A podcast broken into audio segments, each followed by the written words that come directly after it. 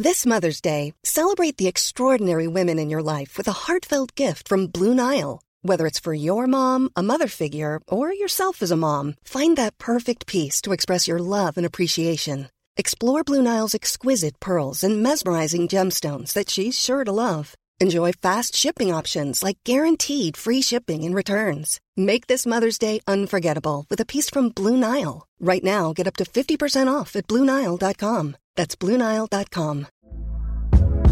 Hey there, it's Michelle Norris. I'm host of a podcast called Your Mama's Kitchen. When I travel, I'm usually looking for a way to find a taste of home when I'm not at home. And one of the things I love to do when I am at home is entertain. And Airbnb allows me to do that. When I was in California recently, I rented a house that had a great kitchen. And when we were sitting around the table, we were all thinking, we're in someone else's house. Someone could be in all of our homes as well.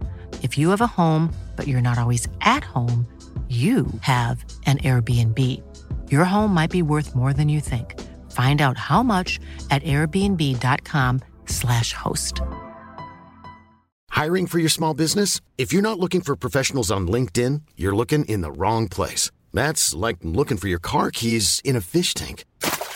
LinkedIn helps you hire professionals you can't find anywhere else, even those who aren't actively searching for a new job but might be open to the perfect role. In a given month, over 70% of LinkedIn users don't even visit other leading job sites. So start looking in the right place. With LinkedIn, you can hire professionals like a professional. Post your free job on linkedin.com slash people today.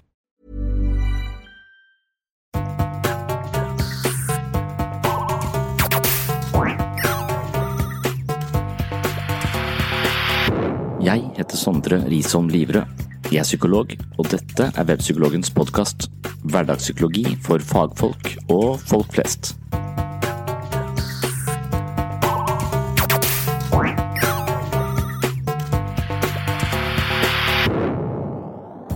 Hei og velkommen til episode 33, som skal handle om forsvarsmekanismer. Dette er et tema jeg har hatt oppe i podkasten tidligere. I denne episoden blir det derfor litt eh, repetisjon, men jeg innbiller meg at eh, menneskets psykiske forsvar er et tema man med fordel kan tenke på mer enn én gang. Akkurat som kroppen har et immunforsvar, har psyken altså et tilsvarende beskyttelsessystem som kalles forsvarsmekanismer. Det psykiske forsvaret sørger for at vi ikke opplever sammenbrudd, og et slikt forsvar er en nødvendighet hos alle mennesker. I møte med traumer, kriser og store tap kan Forsvaret holde oss oppegående og sørge for at vi håndterer livet til tross for store belastninger. Det psykiske forsvaret sørger for å regulere den angsten som oppstår i møte med livet. Det betyr at følelser som ligger over terskelverdien for det vi makter å erkjenne, blir dempet, fortrengt eller avskrevet ved hjelp av de ulike forsvarsmekanismene. Målet er at vi skal beholde en mental likevekt, men det kan også gå på bekostning av en mer realistisk oppfatning av ulike situasjoner, noe som deretter kan avstedkomme ytterligere konflikter eller forvirringstilstander. I mine bøker om psykologi og selvutvikling er innsikt i psykiske forsvarsmekanismer et sentralt tema. Når det kommer til forsvar, er det ikke sikkert at vi er klar over at det er noe vi unngår, men som regel har vi en fornemmelse av eh, utroskap mot oss selv eller virkeligheten, noe som ofte gjør at vi lever med en slags eh, tvil eller en uggen magefølelse.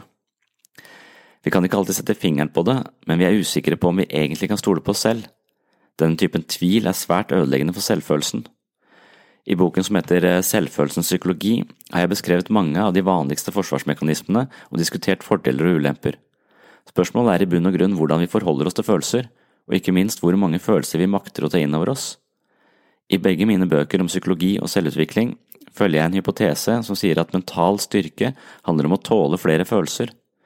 Selvutvikling handler ikke bare om eh, å ha det bedre med flere positive følelser, men det handler om å tåle sterkere følelser, både negative og positive. Selvutvikling handler med andre ord om mer sorg og mer glede, og jeg betrakter mental styrke som evnen til å være oppriktig med seg selv og sine følelser. Jeg hevder også at dette er noe man kan trene opp, og dersom du er mer interessert i følelser og forsvarsmekanismer i et slikt lys, håper jeg du klikker deg inn på webpsykologen.no og kjøper en eller begge bøkene. Ved å kjøpe bøkene på Webpsykologen får du gratis frakt, best pris, samtidig som du støtter denne podkasten. Nå tar vi nok en gang eh, turen til universitetet, hvor jeg bruker ca. 45 minutter på menneskets psykiske forsvar. Nok en gang, velkommen til episode 33.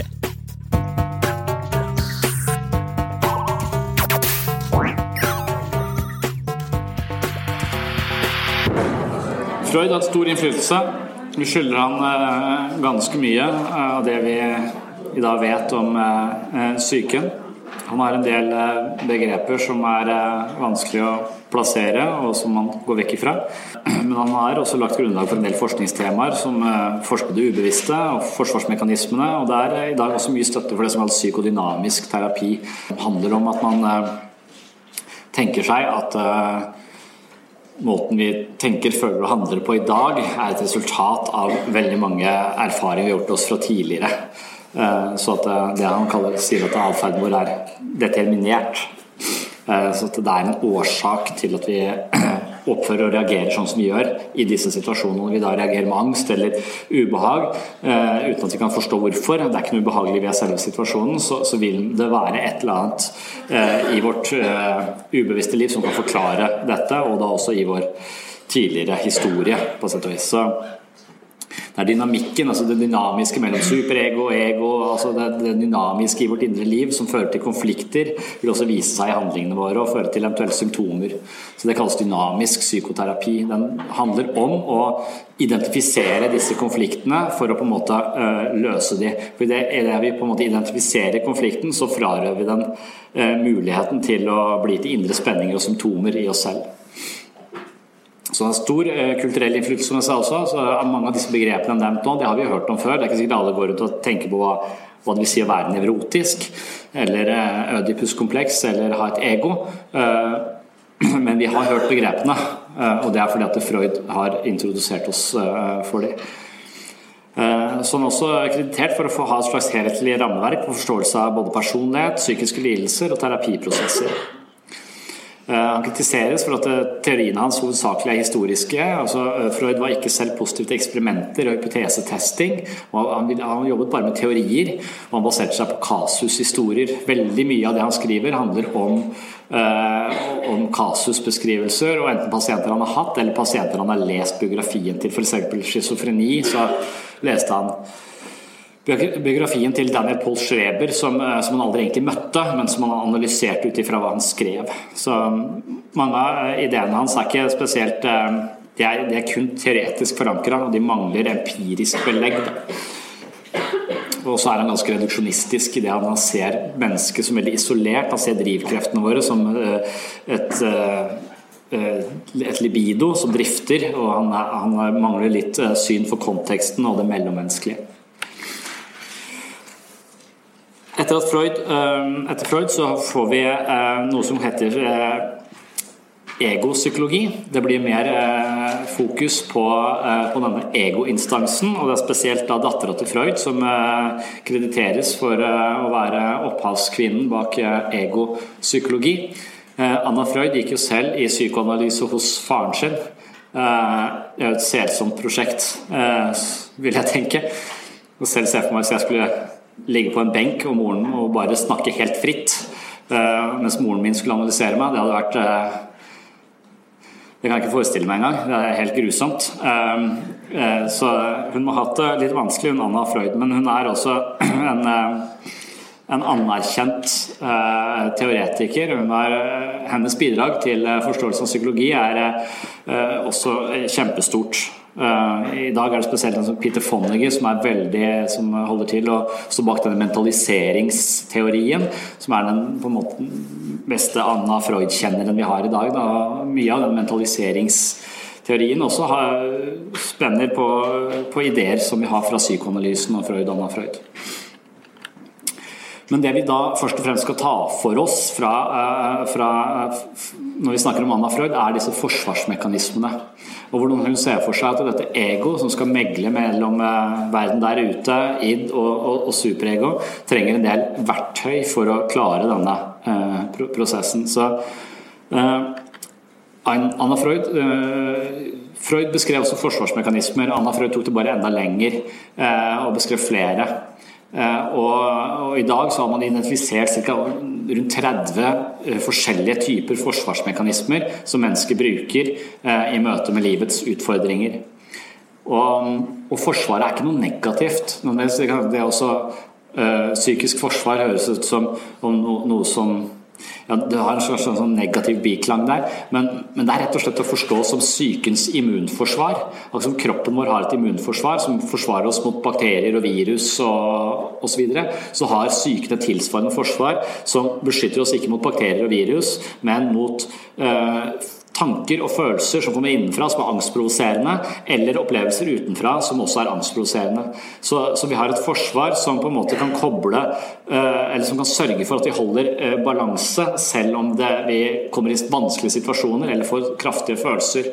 Og Da har psyken en del eh, redskaper den kan bruke for å opprettholde en følelse av selv og, og psykisk balanse. Så Forsvaret sørger for at vi ikke eh, lider psykisk sammenbrudd, rett og slett. Eh, så Forsvaret er en god ting. Forsvaret er noe vi må ha. Eh, men Forsvaret kan også fungere mer eller mindre modent. Vi kan ha modne, nevrotiske eller primitive eh, forsvarsmekanismer. Alle mennesker har alle forsvarssystemene eh, tilgjengelig. Eh, og forsvar er det man kaller reversibelt. Det betyr at når jeg er i en vanskelig situasjon, så vil jeg ty til mer eh, primitive strategier eh, enn hvis jeg opprettholder en relativt god balanse. Kan jeg benytte meg mer modne forsvarsstrategier. Eh, og når jeg da kommer tilbake, hvis jeg er primitiv og jeg kommer meg ut av situasjonen og, og, og får den på avstand, så kan jeg komme tilbake til en moden fungering, selv om jeg da var ganske primitiv i akkurat den eh, situasjonen. Dette kjenner vi igjen. Man blir fire år når man krangler med kjæresten f.eks. Eh, mental alder synker ganske dramatisk, og måten vi forholder oss på er ikke spesielt rasjonell lenger, som regel. Så eh, Forsvaret er altså noe vi må ha. Eh, det er en eh, respons på indre og ytre stressfaktorer. Det regulerer også drifter, men, det viktigste er at det, opprettholder denne ideen vi har om oss selv. Det, vi sørger for at vi har en sammenhengende forståelse av selv. Sånn at det motstridende informasjon, hvor jeg ble kalt arrogant f.eks., det strider med mitt selvbilde, og da vil ego reagere. Nå kommer det informasjon her som ikke passer overens med sånn vi har tenkt om oss selv. Den eh, informasjonen den eh, vil skake ganske mye her sånn. Hvordan skal vi håndtere dette? Vi avviser det. Vi sier 'du er dum'. Og Det er min umiddelbare impuls når noen sier at ja, du, du, virker veldig arrogant. Så jeg er arrogant. Det er ingen som opplever meg som arrogant. Arrogant kan du være sjøl, din idiot. Uh, og Idet du sier det, så skjønner du kanskje at det er bare en bekreftelse på at du er ganske arrogant. Uh, uh, men, men det, det, er ikke noe umiddelbart noe som man orker. Så Forsvaret dukker opp når vi føler oss følelsesmessig pressa, og det oppstår tanker, følelser, impulser ved oss selv som vi ikke tidligere har identifisert oss med, men har henvist til ubevisste avkroker, på sett og vis. Så forsvar er kort sagt den beste reaksjonen en person kan stille opp med i en gitt situasjon på et gitt tidspunkt. Uh, og, da skal Vi gå gjennom, uh, vi kan ikke ta alle de 30. vi kunne tatt, er, Forsvaret er ganske morsomt. Uh, så Vi kunne tatt 30 forskjellige forsvarsmekanismer og gått inn i hver enkelt av de. Det har vi ikke tid til. Men vi skal bare nevne de, fire, de tre hovedgruppene av forsvar. Så La oss ta det modne forsvaret. Det modne forsvaret det er, det er, når vi tåler, forstår og klarer å uttrykke følelsene våre på en god måte. Også, Vi trenger ikke å avvise følelser eller undertrykke følelser eller eh, late som vi ikke har følelser, eh, men at følelsene tilhører noen andre enn oss selv, som er det primitive forsvaret. I moden, en moden modus så er du på en måte du tåler, forstår og du tar ansvar for dine egne, eh, egne følelser. Eh, humor eh, kan være er lista som en moden forsvarsmekanisme. Humor kan ofte ta brodden av en veldig alvorlig situasjon, gjøre at vi klarer å leve gjennom den uten at vi egentlig fortrenger det som har skjedd, men gjennom humor så klarer vi galgenhumor, kanskje. Så kan vi på en måte opprettholde en viss balanse i en vanskelig, en vanskelig uh, situasjon. Um, og det å på en måte forberede seg, tenke gjennom hvordan kommer jeg til å føle i en eh, situasjon som jeg vet blir vanskelig senere. Det å forberede seg følelsesmessig, kjenne litt etter hvordan kan jeg komme til å forholde meg til dette. Det kalles antisipering. Det er lista som en, eh, som en moden eh, forsvarsmekanisme. Eh, og det Anna Freud snakket mye om, det var en slags kanalisering av eh, eh følelser, eller hun kaller det sublimering. Det vil si at vi har jo en hel haug av krefter i dette id. Forbudte krefter, eller voldsomme krefter, som ikke nødvendigvis er eh, sosialt akseptable. Men kunsten er da å klare å kanalisere disse kreftene istedenfor å måtte fortrenge de og gå rundt og bruke masse psykisk kapasitet på å holde disse følelsene i sjakk og holde de fra livet. på en måte. Det er der, der spenningen oppstår. Veldig mye energi brukes da på å holde kraftige følelser på avstand. Hvis vi, stedet, hvis vi forholder oss moden til disse følelsene, så klarer vi å kanalisere det ut på en måte, på en, det de kaller en jeg-oppbyggende måte, eller en ego-oppbyggende måte. Dvs. Si at kraftige følelser finner et uttrykk på en måte som ikke skader oss selv eller relasjonen vår til andre mennesker. Uh, og, det, og det, da tenker man f.eks. på kunst.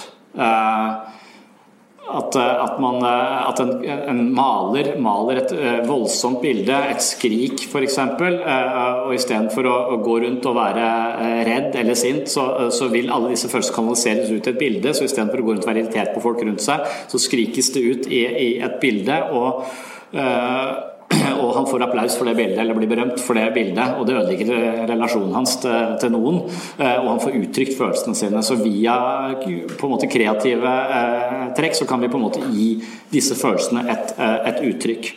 Eh, jeg vet ikke, det, det jeg så Thomas Seltzer eh, var med Mayhem på, på turné sist på Trygdekontoret. Det, det, det, er et eksempel på, eh, på sublimering. Altså Mayhem er vel eh, et sånt dødsmetallband fra Norge. De mener kanskje Norges eh, Norges viktigste eksportvarer til, til utlandet. Sånn myteomspunnet band hvor noen har tatt livet sitt og noen har dødd. og litt sånn. Men han var med en av disse i Mayhem, som Thomas Seltzer kjenner fra, fra før.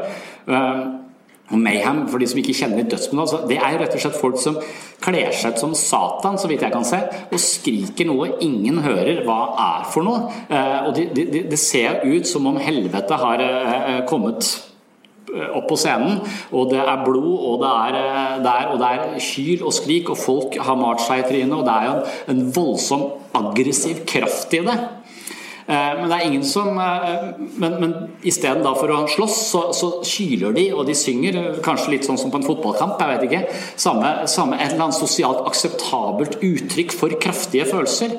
Og han der eh, fyren som spilte bass der, som Thomas Seltzer fulgte, jeg husker ikke hva han heter, de som kjenner meg igjen husker det, men han, eh, han, mente at han var en slags sånn omreisende psykoterapeutisk rockesirkus. Eh, eh, hvor, hvor, folk rett og slett fikk utløp for disse kraftige reaksjonene via dems eh, musikk. Og det kan det være noe i. Altså, jeg har en, alltid hørt at de som spiller sånn dødsmetallband, er så snille privat. Og så har jeg noen i familien også som, som gjør det, og, og, det stemmer jo. Det er sikkert en myte, men kanskje den, det er noe sant i det. At de menneskene som står og hyler på scenen, tygger blod og ser ut som de kommer rett fra helvete, eh, eh har funnet et uttrykk for disse kraftige følelsene. Når de er sammen med andre, så er de helt i balanse. De er ikke småirriterte eller aggressive eller passivt aggressive. altså De er avklart, de har funnet en kanal for å uttrykke dette. og De hjelper andre til å på en måte finne sin kanal gjennom deres eh, musikk.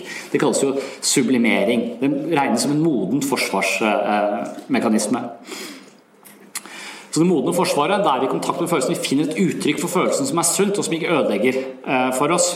Så jeg tror sikkert fotball er det. Kan være da med konemishandling hvis vi ikke hadde hatt fotballkamper. Eh, da står menn og hyler uh, istedenfor å uttrykke aggresjon på andre mer destruktive måter. Jeg vet ikke. Det er kanskje litt fleipete. Men uh, er litt fleipete inntrykk. Så, så, det modne forsvaret, det sunneste forsvaret Vi er i kontakt med følelsene, vi uttrykker følelsene, og vi tar ansvar for de følelsene. De går ikke utover relasjonen vår til andre, andre folk.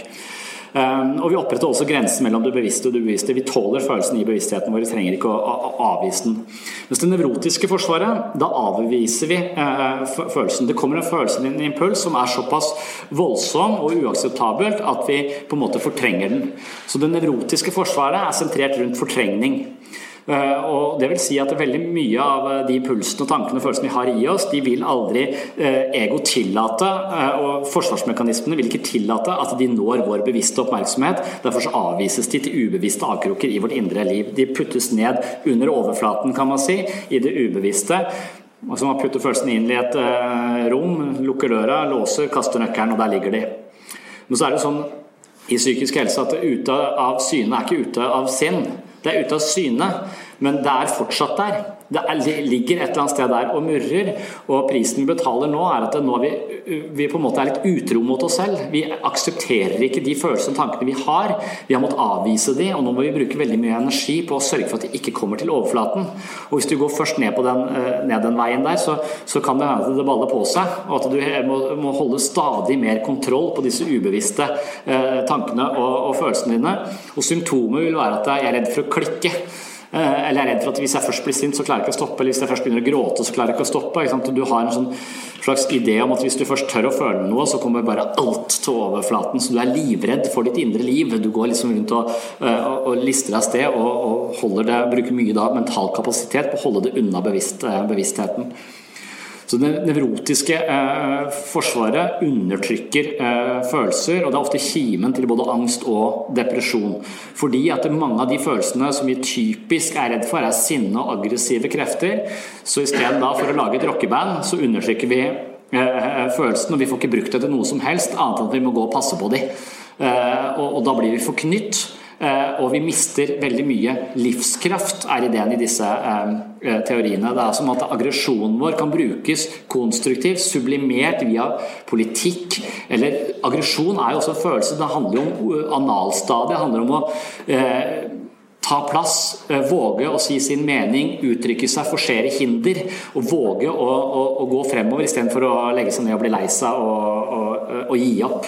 Så det er veldig mye drivkraft i sinnet hvis vi bruker det på en riktig måte. Hvis vi er livredd for sinne og anser det som uakseptabel uh, følelse og legger lokk på den, så tror jeg vi vil miste denne drivkraften, og det er depressivt. Samtidig som angsten er der, fordi vi vet at det er noen krefter i oss som vi ikke har turt å se på, men de er der. Uh, og de kan komme til overflaten. De kan plutselig komme på julebordet, f.eks. Eh, og det er jo ikke så uvanlig. Man går ut og smiler, og alt er greit på jobb og forholder seg til sjefen. Og så har, biter ut tenna sammen faen ta den jævla sjefen, er egentlig det som foregår inni, uh, inni hodet. Du er kanskje ikke bevisst engang. Ja, så fint. Som, når du er ubevisst sint, så får du ofte vondt i hodet fordi du byter har sånn. Det er oralse har sånn. Du, uh, det er krefter, de aggressive kreftene kommer ofte til uttrykk da i kroppen, så du opplever veldig mye hodepine stresshodepine osv. Og også når eh, du da drikker litt alkohol og disse forsvarsmekanismesystemet ditt eh, på en måte bedøves litt, så boff, så kommer du til overflaten, og så, så er skammen ganske stor i januar-februar. Eh, så er du sykemeldt. Kommer ikke tilbake igjen til den jobben. Så eh, målet i mye eh, terapi er jo å våge å tåle å forstå disse følelsene og gi det et uttrykk før de blir så store at vi er nødt til å undertrykke de eller, eller avvise de, fordi det er, eh, det er, å leve i utroskap mot seg selv. Det er nødvendig, for der og da så vil ikke ego tolerere det, vil ikke takle det. Så, så, Vi har ofte en idé om at vi må avvise en del følelser, men altfor ofte så avviser vi følelser som egentlig ikke er så alvorlige. Så vi burde heller har vært mer bevisst hva vi føler og, øh, og tenker i de situasjonene. Og, og, tatt litt mer hensyn til det, gitt litt mer plass. Mens altfor ofte så bare ser vi en annen vei eller går, øh, går, går fra dem. Så vi avviser noe, ofte følelser som er ganske trivielle også. Og, og da må vi bruke og Prisen vi betaler er da ganske, ganske høy. Så Det nevrotiske forsvaret er ofte kimen til både angst og depresjon. Eh, det primitive forsvaret er, er roten til skilsmisse. Eh, så angst, depresjon og skilsmisse er, er symptomene her. Det primitive forsvaret, da er det eh, Det er fortsatt et skille mellom det bevisste og det ubevisste her, men når det dukker opp en uakseptabel følelse, eh, og vi reagerer med primitivt forsvar, så vil det ikke være at vi undertrykker følelsen, men vi, vi lar rett og slett den følelsen Vi kjenner følelsen er der, men den er så ubehagelig og den er ikke meg, for det kan, det kan, ikke være jeg som har den følelsen, så det må være deg som har den følelsen.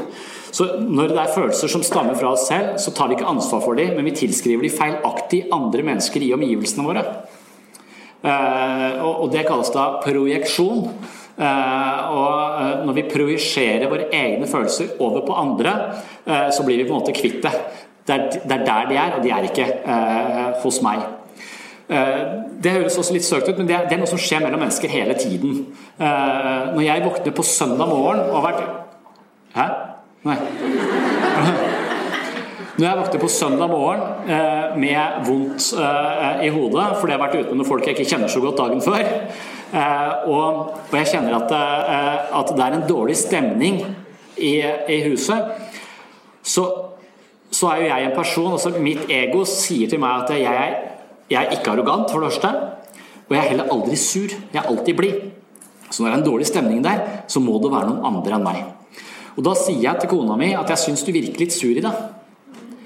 Uh, og så sier hun nei, jeg er ikke, jeg er ikke det. Og så, og så, flyr hun rundt i huset og nynner. Jeg er ikke så begeistra for damer som nynner, åpenbart. Uh, men, uh, men, så sier jeg en gang til jeg syns du virker litt amper i bevegelsene. sier jeg.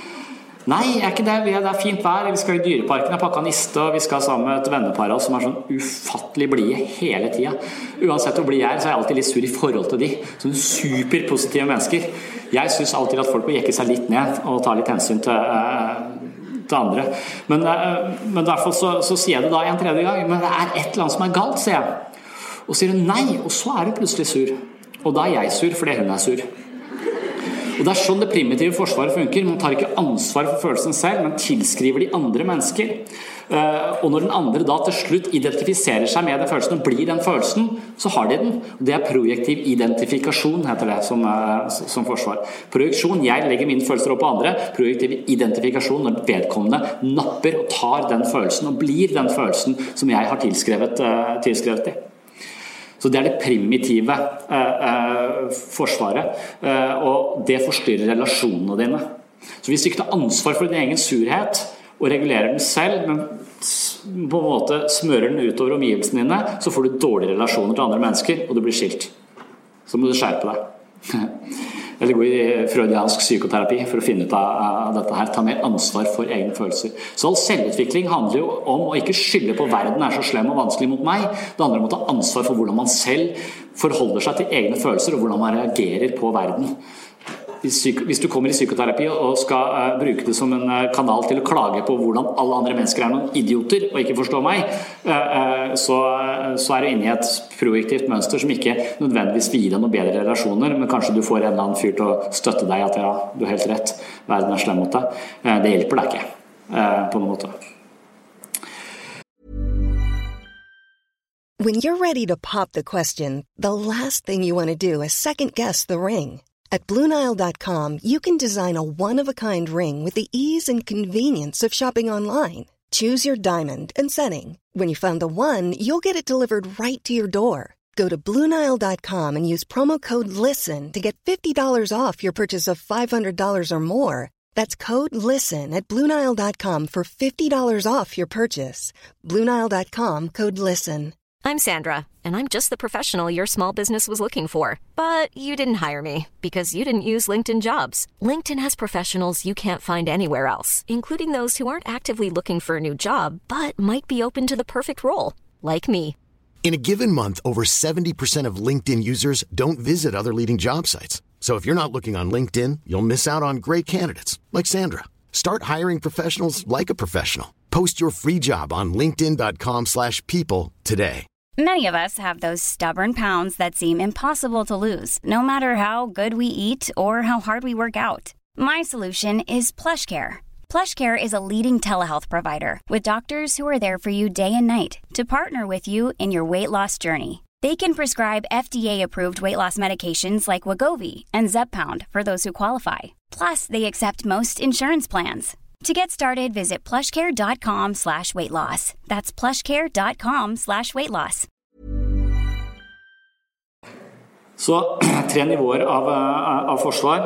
Ehm, jeg pleier å fortelle noen historier for å, for å, på en måte sette de inn i det, det jeg mener jeg skal gjøre her. Jeg mener at jeg skal prøve å sette disse teoriene litt inn i hverdagslivet, og da gjerne mitt eget liv. Eh, jeg er mest opptatt av meg selv. Ehm, så, eh, så for, å, for, å, illustrere dette, så snakker jeg av og til om at Eh, jeg, jeg, er veldig redd for å dø. Eh, veldig mye av det jeg gjør, er for å unngå å dø eh, for tidlig. F.eks. trene. Det hater jeg. Det gjør jeg for at jeg har hørt at hvis man trener, så dør man ikke for tidlig. Så, så, jeg trener og jeg spiser antioksidanter og jeg ser meg for når jeg går over veien. Alt sammen for å ikke dø for tidlig. Så, så, mye av min motivasjon ligger eh, i eh, å prøve å fornekte døden som den endelige eh, holdeplassen. Og så klarer jeg ikke å være religiøs heller. Jeg har prøvd. Jeg har virkelig prøvd, jeg lover. Men jeg klarer ikke å tro på en eller annen religiøs metafysikk. Så når jeg dør, så er det slutt, liksom. Det er ganske trist. Særlig når du er såpass narsissistisk som jeg er og glad i meg selv, så, så er det fryktelig trist å tenke på. Så, så, jeg bruker en del energi på å unngå, eh, unngå døden. Og jeg bruker også prøver å ikke tenke på det. Altså jeg prøver å fortrenge døden. Men døden dukker opp av og til, ikke sant. Og sist den dukka opp, opp, i mitt liv, så var det når farfaren min døde. Og det, det, var helt eh, greit. Han var veldig gammel og, og en sånn fin mann. Vi hadde veldig sånn, god relasjon. og Det er som regel lettest når mennesker du har en god relasjon til, dør. altså Det viser seg også hvis mennesker du har et uavklart forhold til, med masse konflikter knytta til, når de dør, så dør konflikten, og det blir aldri uh, avklart. Så det er mye Sorgprosessen da er mye, mye verre. Jeg hadde ikke noe egentlig sånn uavklart med han i det hele tatt. Vi hadde et veldig fint forhold. Men jeg visste at nå må jeg i den derre uh, forbaska kirken, eh, hvor de har både babysang, og, og der, der, er det høyt under taket, og det er vanskelig, eh, et vanskelig sted for meg. Eh, og det jeg gjør da, at jeg er i en ganske moden modus. Han, jeg får beskjed han dør, ok. Jeg må si noe i begravelsen, det er trist. Jeg prøver å forberede meg, det er et modent forsvar. Jeg forbereder meg på hvordan jeg kan komme til å reagere følelsesmessig når jeg sitter i eh, kirken. Eh, og, da har jeg kontroll på disse, disse, tingene. Men så kommer jeg i eh, kirken, og jeg har eh, en grad av bevisst kontroll på at det dette skal gå greit, jeg skal klare å ta folk i hånda og si det jeg skal osv. Men så kommer det sånn voldsom musikk, så innmari høyt under taket der. ikke sant? Så jeg kista der sånn, og så kjenner jeg at å nei, nå, nå mister jeg litt taket her. Begynner å vibrere i leppa og, og, sånn. Og da er jeg fortsatt i et mer eller mindre bevisst forhold til mitt indre liv. Jeg tenker at nå er jeg like før jeg begynner å grine. Det passer seg ikke nå.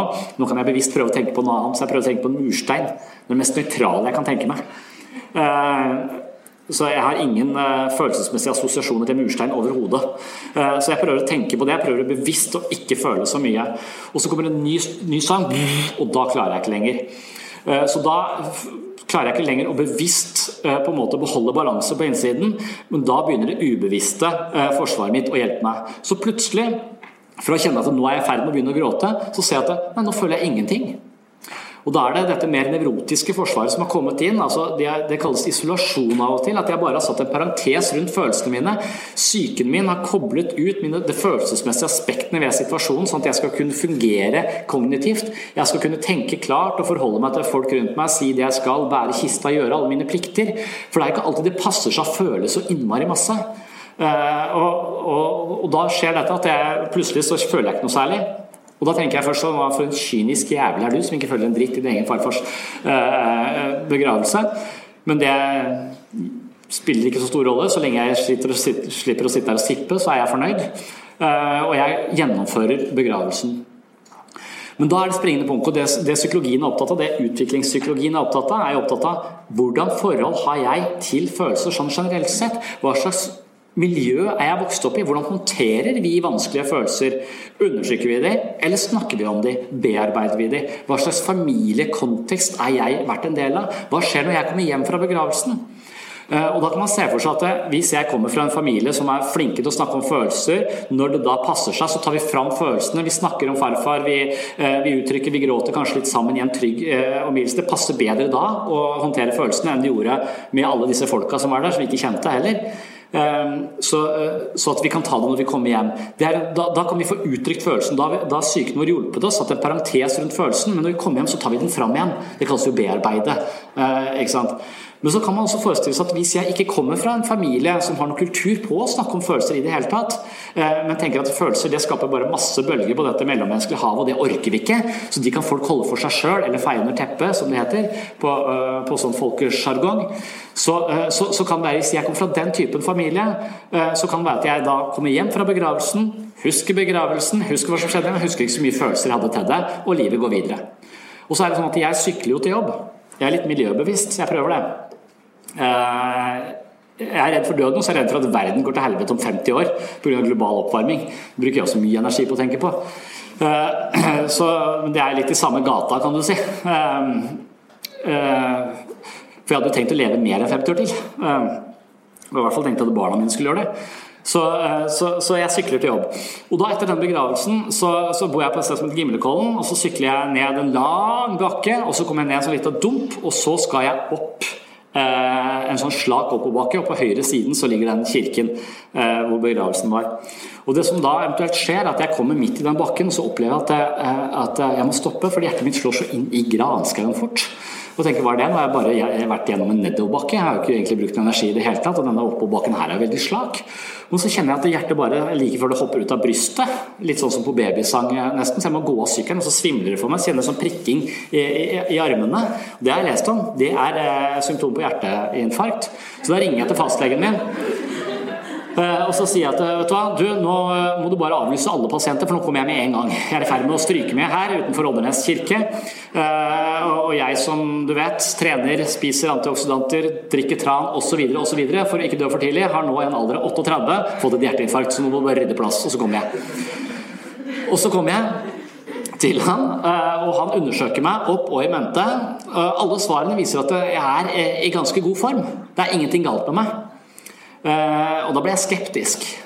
Jau, det var noe galt med meg der eh, i den oppoverbakken. Det er jeg ganske sikker på. Det er ikke en innbilning, for å si det sånn. Eh, jeg var alvorlig, alvorlig syk, men jeg er litt fornøyd også med at han ikke kan finne meg at jeg ser ut som jeg er i god form. Alle prøvene har, har gode svar. da. Så gjerne du kan drikke litt mer vann. Ja, ok, det kan jeg, det kan jeg få til. Eh, og så eh, slår jeg meg til ro med det da, til en viss grad. Men dagen etter så skjer det samme. Jeg kommer ned bakken, opp den, så får jeg igjen denne voldsomme følelsen eh, av at det er noe stein gærent med kroppen. Jeg er jo redd for mange ting, men jeg er redd for hjerteinfarkt. Men egentlig mer redd for, hjerte, jeg er mer redd for å få kreft. Så da tenker jeg med en gang at nå, det er ikke hjerteinfarkt, men dette kan være kreft. Og hvis du googler det, så så viser det seg at det stemmer, sannsynligvis. Det er bare å google det lenge nok, så vil du få en diagnose som er livstruende. Eh, så jeg tar opp telefonen, googler det, finner ut at jeg har kreft. Eh, litt uklart hvor det er hen. Eh, føles som det er i hele kroppen, faktisk. Leukemi, tenker jeg da. Det føler jeg er i blodet, det er overalt. Det må være det.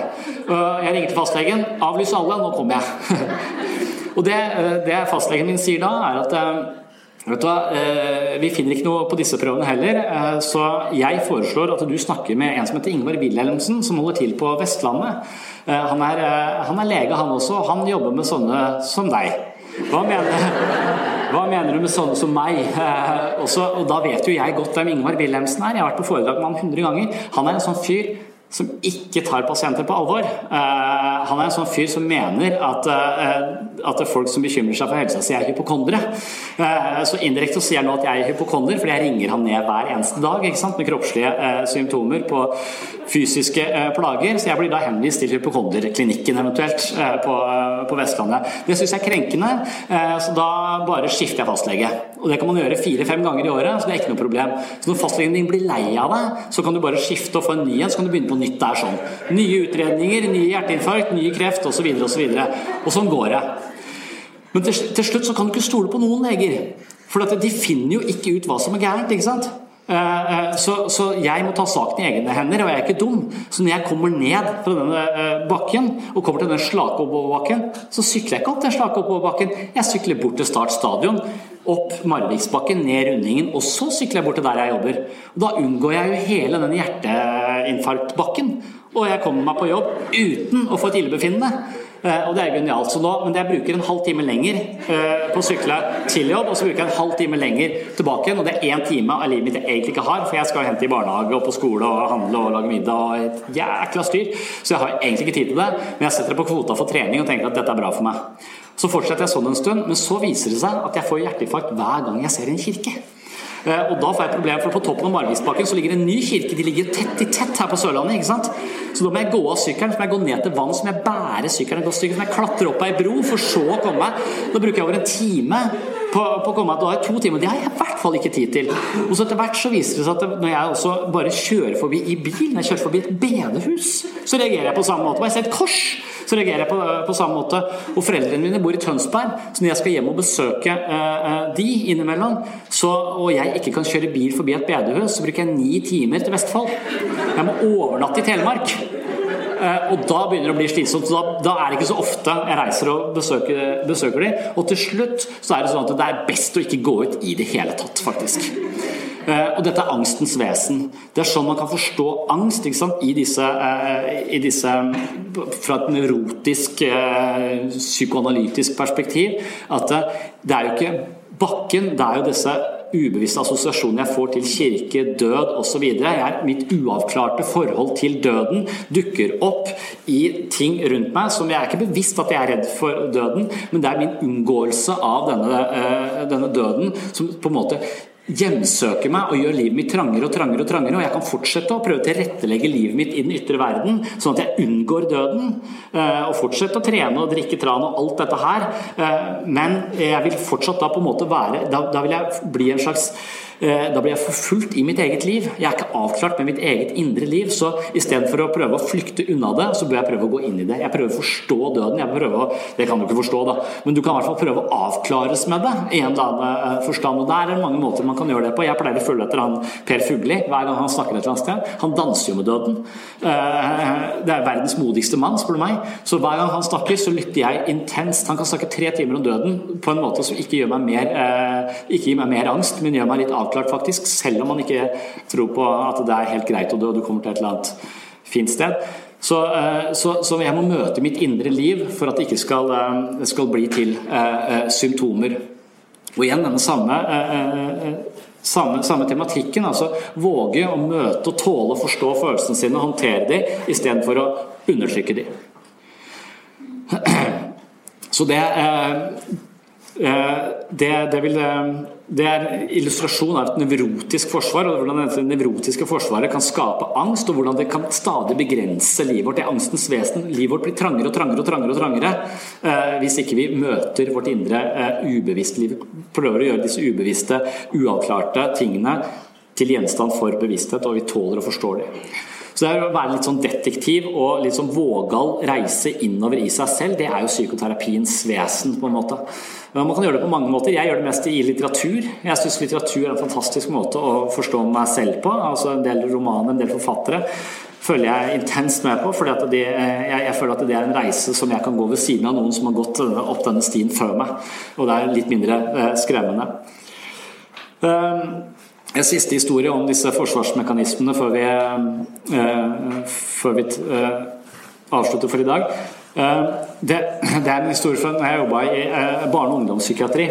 Eh, da, da var jeg som cowboypsykolog, følte jeg. Jeg måtte drive og reise hjem til folk. Det liker jeg ikke.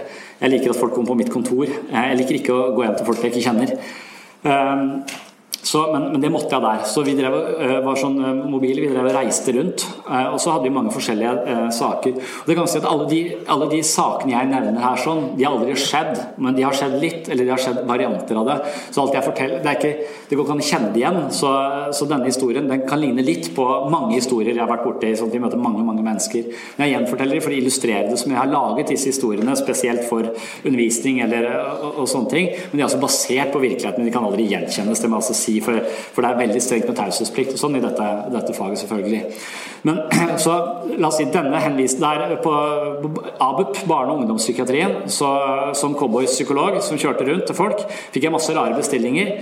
Husker, husker det var en fyr eh, kom med henvisning på, eh, på en fyr som ikke gikk på skolen, ikke ville stå opp om morgenen.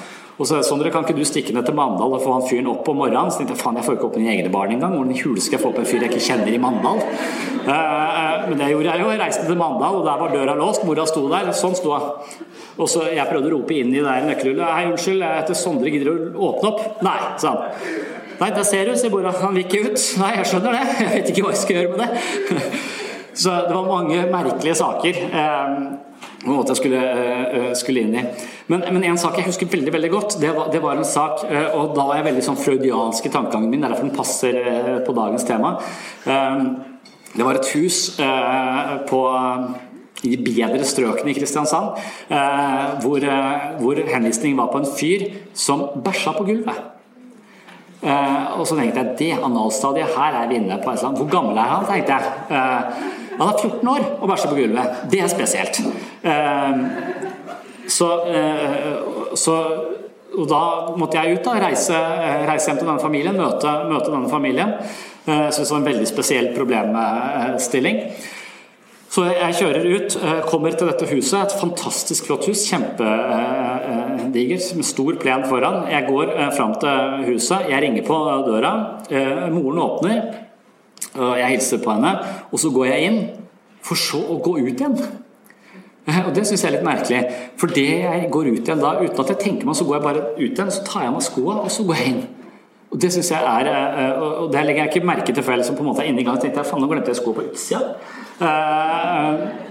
Og, for jeg pleier å Jeg syns det er sånn vanlig takt og tone at man tar av seg skoene i gangen. Jeg liker at folk kommer til meg og tar av seg skoene i gangen. Jeg liker ikke at de går inn med sko. Det er noen som gjør. Det forstyrrer meg veldig. Håndverkere gjør ofte det. Uh, og de driver og, Jeg klarer ikke å høre hva de sier jeg, når de går rundt med, med utesko inne. Men da tenker jeg bare faen, nå må jeg vaske der, der, der, der. Jeg er ganske nevrotisk anlagt. Uh, så, så, da klarer jeg ikke å konsentrere meg. Så jeg liker at folk tar av seg skoene i gangen. Og det pleier jeg å gjøre når jeg er hos andre folk også. Men her sånn så fikk jeg en annen impuls og sa at jeg måtte ta av meg skoene mine på utsida. Som om skoene mine var for nærmest til å være inne i dette huset. For det var så flott. Så ja, ja, nå står de der ute. Håper ikke det begynner å regne. Og så fortsetter jeg da inn. Jeg blir vist inn i gangen. Jeg blir vist opp en trapp og inn i en, inn i en stue. Og der ser jeg problemet. Der sitter han. Han passer ikke inn i det hele tatt. Uh, Der er det flotte møbler eh, som står til tapeten, og lampene, hele interiøret er helt perfekt eh, dandert og pynta. moren og faren er, står i stil til hele, dette, hele denne stua. Men hans, hans sønnen han sitter der og her, han, sånn der, han ligner på han der forsangeren i Green Day. Han har, han har sånn maskara rundt øynene sine, og så har han sikkerhetsnåler gjennom kinnet. Og så er han helt svart i både klær og, og hår. Og så sitter han sånn midt i sofaen og passer overhodet overhodet ikke til den stilen de har lagt opp til i det, i det huset. Så jeg skjønner med en gang at det, han må dere bare skifte ut. Han passer jo ikke inn her i det hele tatt, tenker jeg. Så han, han må dere så setter jeg meg ned der da, og prøver å skape kontakt. og De situasjonene er ganske kleine, kan jeg love deg, når du kommer hjem til en familie første gang. og de har en, ja. Så sitter her og prøver febrilsk å, å, prøve å bli kjent med eh, disse folka. Så får jeg kaffe, eh, og så får jeg en sånn prikke til å sette kaffekoppen min på. Eh, for det ikke jeg skal ødelegge bordet, sannsynligvis. Eh, og det prøver jeg å forholde meg til. Og når jeg drikker mye kaffe, så må jeg veldig fort tisse. Og da får jeg en ny impuls. tenkte Jeg jeg får lyst å bare tisse på gulvet. Og så ser jeg på han fyren Jøss, vi to er litt like, men jeg er bedre oppdratt enn deg, så jeg går på do. Eh, så jeg går på do for å tisse, men da, mer eller mindre med vilje, så setter jeg kaffekoppen min feil. Jeg setter den utenfor brikken. Eh, og går eh, på toalettet. Og når jeg kommer tilbake igjen da, så har de flytta kaffekoppen min tilbake der den skal stå. Eh, og dette her er også på en måte hva, er, hva, hva skjer i denne eh, familien. Og en forståelse av dette, Hvis det skulle være sånn psykodynamisk, freudiansk forståelse av dette, så sier man at eh, et nevrotisk klima, eller familier som fungerer på nevrotiske forsvarsmekanismer, det går på en måte hånd i hånd, eller det å være overpertentlig og ryddig, går hånd i hånd med dårlig følelsesmessig kommunikasjon.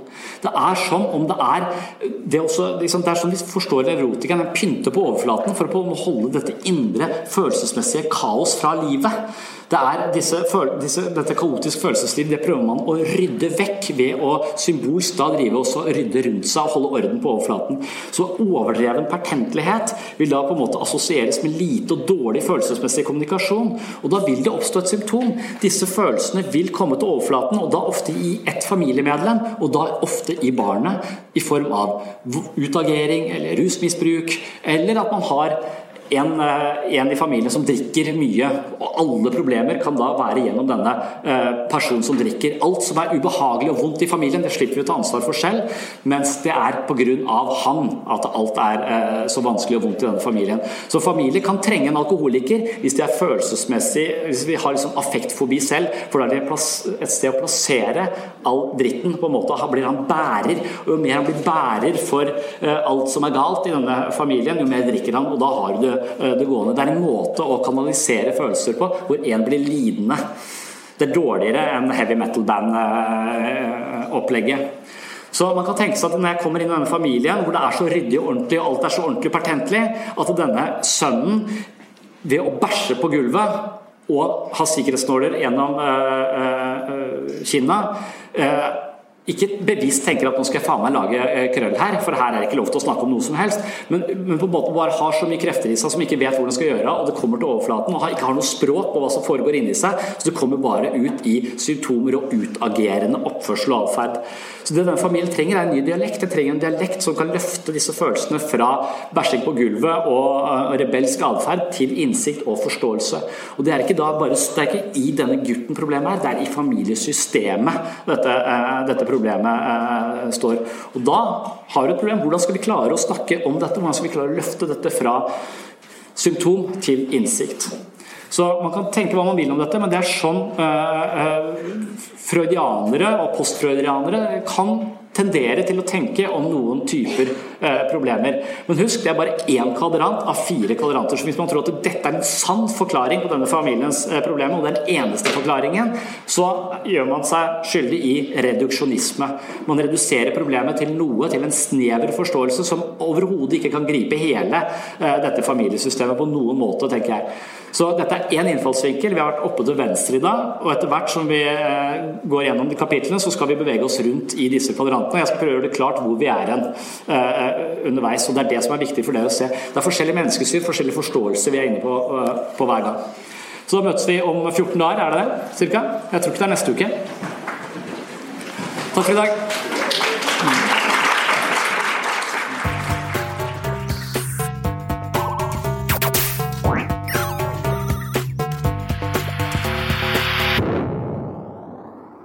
Takk for at du hørte på Webpsykologens podkast. Dersom du liker denne podkasten, hadde jeg blitt veldig glad om du tok deg tid til å anbefale den på iTunes.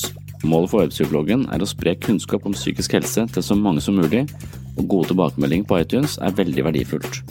Håper vi høres igjen i neste episode.